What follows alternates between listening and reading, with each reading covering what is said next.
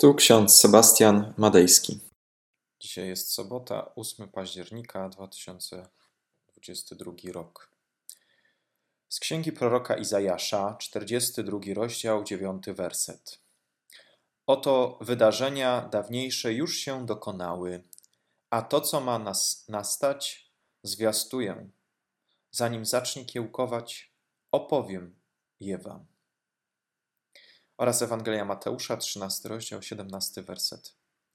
Wielu proroków i sprawiedliwych pragnęło ujrzeć to, co wy widzicie, a nie ujrzeli, i usłyszeć to, co wy słyszycie, a nie usłyszeli. Drodzy, bezpośrednie działanie Boga jest widoczne w historii ludzkości.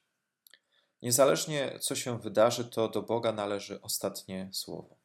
On daje przecież pokój, przebaczenie, pojednanie i radość, wszystko we właściwym czasie. Wszystko, co jest złe na tym świecie, jest tak naprawdę winą nas, ludzi. Natomiast całe dobro, jakie widzimy na świecie, jest z gruntu Boże, pochodzi od Boga.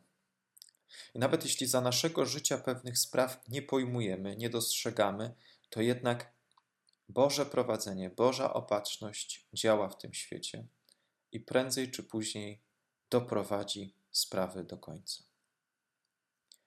W takim świeckim rozumieniu można powiedzieć, wszystko dobrze się skończy. Ale pytanie, co to znaczy dobrze? Z perspektywy chrześcijańskiej, wszystko skończy się tak, jak Bóg chce.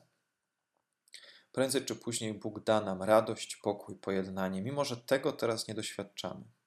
Podobnie jak prorocy w czasach starożytnych nie widzieli często wydarzeń, których, o których prorokowali, których byli świadkami. Jednak proroctwa dotyczące na przykład Chrystusa znajdujemy w Starym Testamencie i czytelnik ma wrażenie, że prorocy mają głęboką wiarę w to, że wkrótce przyjdzie Mesjasz. Może nie za ich życia, jeszcze nie za życia ich dzieci, ale są pewni, że przyjdzie i wypatrują oczami swojej duszy Jego pojawienia się na świecie.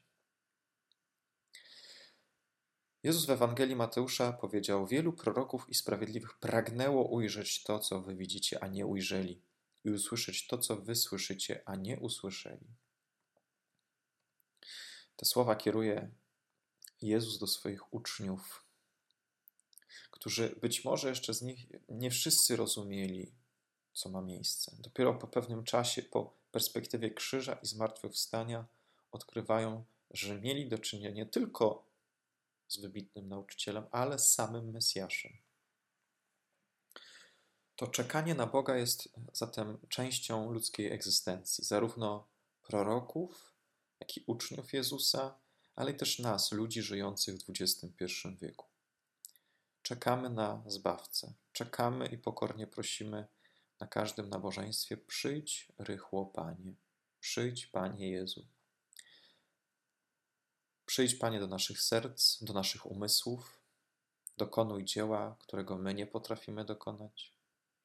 Naszymi siłami nic nie jesteśmy w stanie wskórać, ale jest nasz Bóg, który nam przychodzi z pomocą, oczyszcza nas i uzdrawia, pomimo iż nasze ciało zewnętrzne niszczeje. Jednak nasz wewnętrzny człowiek odnawia się z dnia na dzień właśnie w tej wierze, w zaufaniu, w modlitwie skierowanej do Pana Jezusa. Czy w Twoim sercu jest ta nadzieja? Czy może jeszcze jej nie dostrzegasz? Może jest ta nadzieja tak malutka jak ziarenko gorczycy? Może być niedostrzegalna ta nasza wiara, ale jednak jest. Jest zasiana poprzez Słowo Boże, które gdzieś tam trafia i we właściwym czasie wydaje owoc. Bóg przychodzi we właściwym czasie, daje nam wzrost. Pytanie, czy chcemy wzrastać, czy szczerze wierzysz w to, że Bóg przyjdzie na ten świat, że przychodzi na ten świat i zmienia nas? Wszystko zaczyna się od nas samych. Adam Mickiewicz przecież napisał w kontekście Bożego Narodzenia: Wierzysz, że Chrystus urodził się w żłobie, ale biada ci człowiecze, jeśli nie narodził się w tobie. Natomiast Dietrich Bonhoeffer napisał: Twoje życie pomiędzy niewierzącymi powinno być takie, że oni zaczną kwestionować swoją niewiarę w Boga.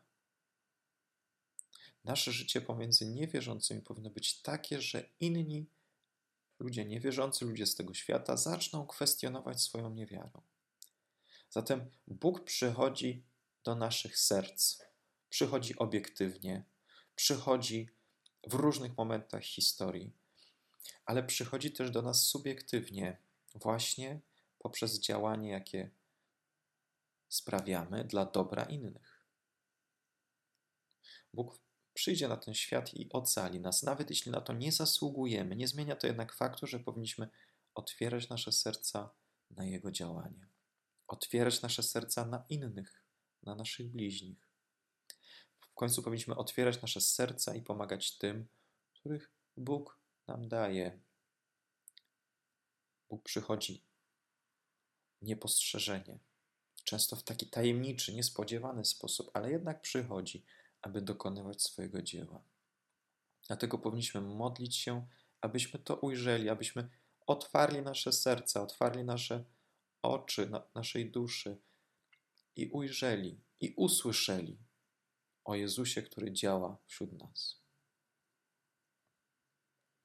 Pomódlmy się. Wszechmogący Panie i Boże, Ty do nas przychodzisz i przemawiasz do nas w swoim słowie. Przychodzisz do nas niepostrzeżenie. Przyjmujesz nas do swojej rodziny, nawet wtedy, kiedy jesteśmy tego nieświadomi, jako dzieci, jako grzesznicy, jako ci, którzy potrzebują nawrócenia i pokuty. My sami z siebie nie potrafimy się zmienić, ale Ty, Panie, nas zmieniasz. Kształtujesz nas na swój obraz i na podobieństwo i przychodzisz we właściwym czasie. Prosimy Cię, przyjdź na ten świat, na tę ziemię, abyśmy mogli oglądać oblicze Twoje jeszcze za naszego życia. Spraw, Panie, abyśmy przede wszystkim odnajdywali Ciebie w drugim człowieku, który potrzebuje pomocy. Amen. Pokój Boży, który przewyższa wszelki rozum, niechaj strzeże serc naszych i myśli naszych w Panu naszym Jezusie Chrystusie ku żywotowi wiecznemu. Amen.